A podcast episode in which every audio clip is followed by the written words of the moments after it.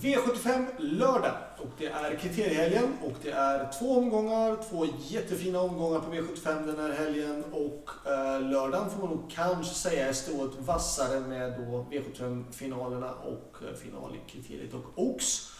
Och vi börjar med att gå igenom V75 1 och där är då den absolut tyngsta och största favoriten såklart med. Då nummer 4 Admiral Ass Ehm, det är många som vill gardera av ehm, känslomässiga skäl. Man vill inte åka av i den första avdelningen och därför så är ju då Admiral As som en kittlande ehm, att våga spika i den första avdelningen eller att gå på den säkra sidan och gardera.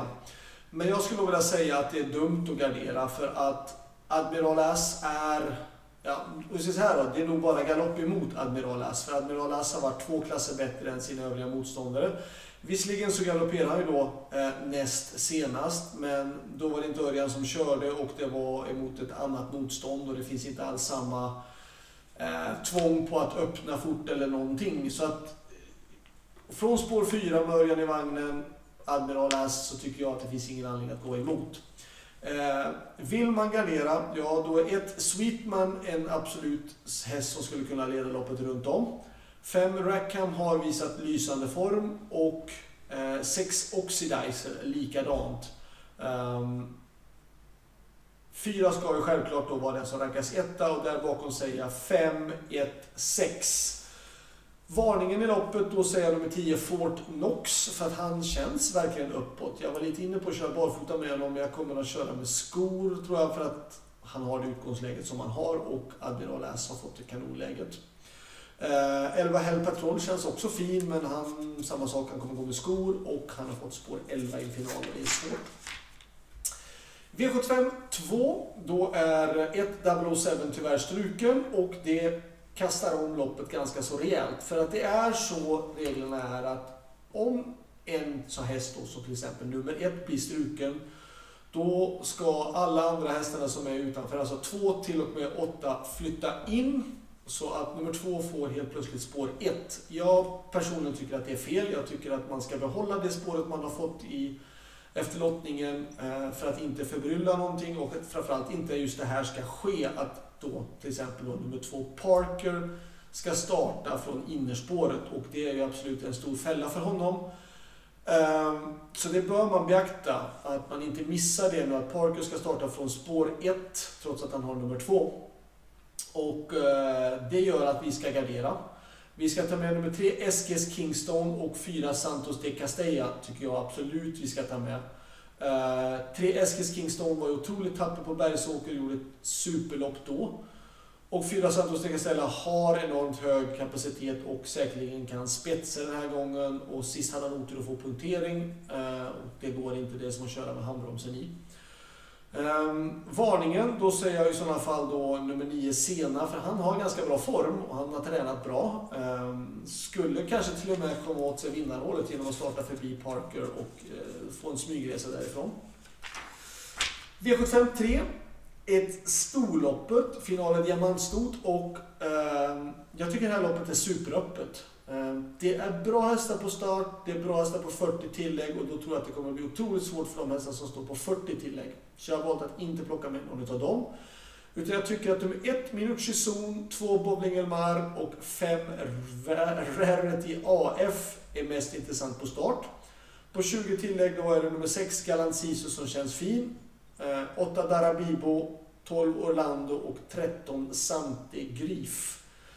Varningen, ja den hästen som spurtade absolut bäst i sista starten då är den nummer 7 Saga Dock. Eh, men hon är beroende av att få den där smygsamma resan då kan hon spida fort till slut. Men hon verkar verkligen ha formen. V75 4. Då är det finalen i Oaks och en spetsstrid kommer att vara mellan ett Senorita Tokyo och två Red Lady Express. Red Lady Express är väldigt snabb ut och eh, uh, Signorita Tokyo är också varit snabb ut. Um, vem som tar spets av dem har jag svårt att säga om på förhand. Men att bägge två ska med på systemet. Ehm, um, 10 Glamorous Rain är väl den som jag tycker är mest intressant från bakspår. Men även i 3 Isabel Cash, 4 Lara Boko och 5 Rihanna WI. Um, ehm, eller VI. Är absolut superintressanta. De gjorde jättebra försök allihopa.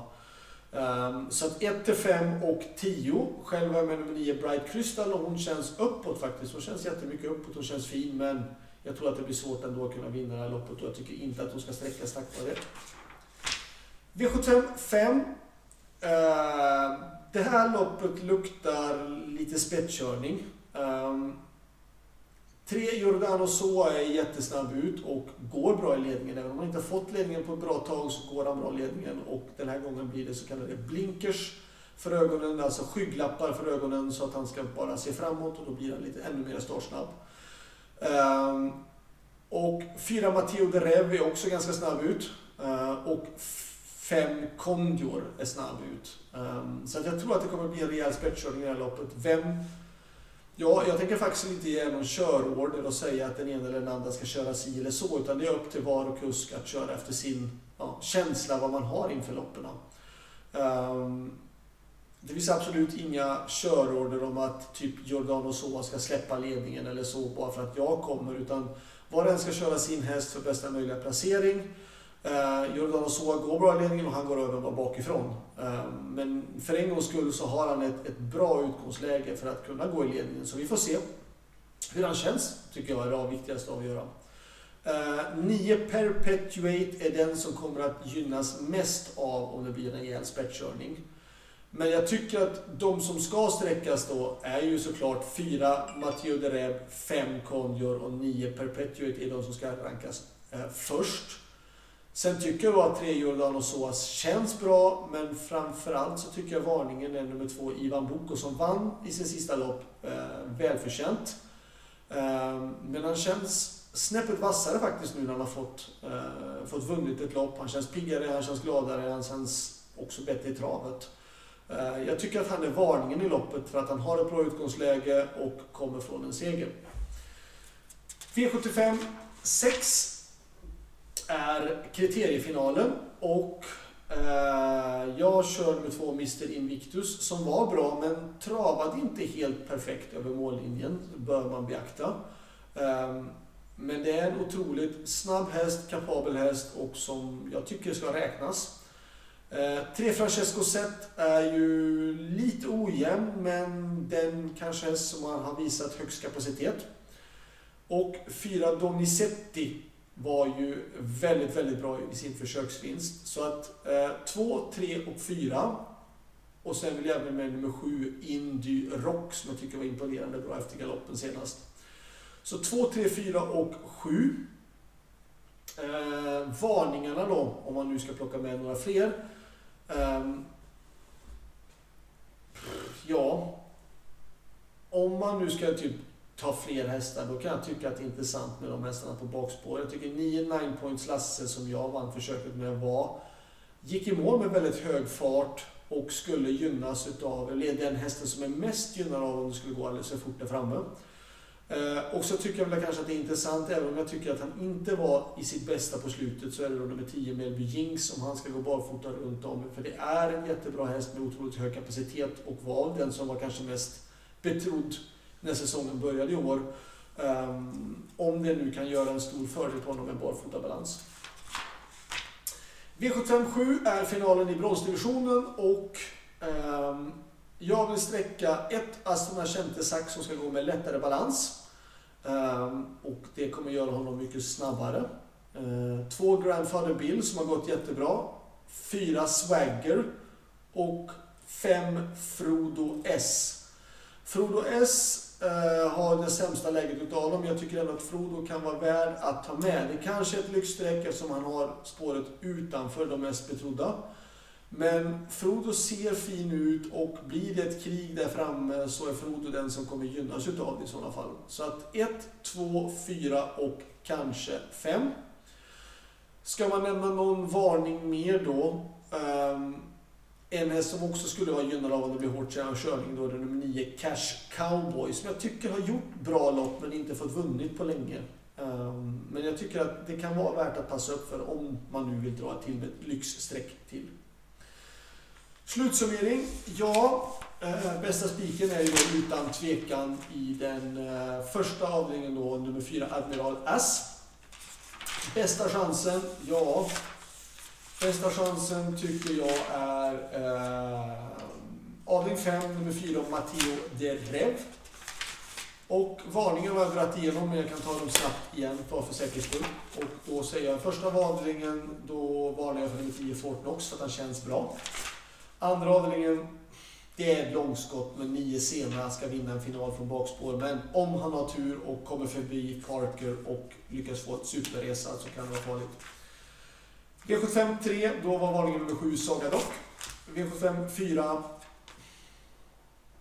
Ska jag nämna en varning till, en som jag tycker är här, kanske den bästa hästen utav allihopa. Egentligen, då är det nummer 12, Great Skills. Jag tycker hon verkar vara en fruktansvärt bra häst, men hon har otur i försöket och fick spår 12. V75 5, då säger jag nummer 2, Ivan Boko, för att han kändes uppåt eh, i sista året. Och i V75 6, då är det nummer 10, Melby Jinx, man går varför runt om. Och i avdelning 7, då så är det nummer 9, Cash Cowboy. Lycka till och glöm nu inte återigen bort att det faktiskt är två V75-omgångar den här helgen. Lördagens, eller söndagens V75-omgång kommer att spelas in på lördag kväll. Ha det bra, lycka till, hejdå!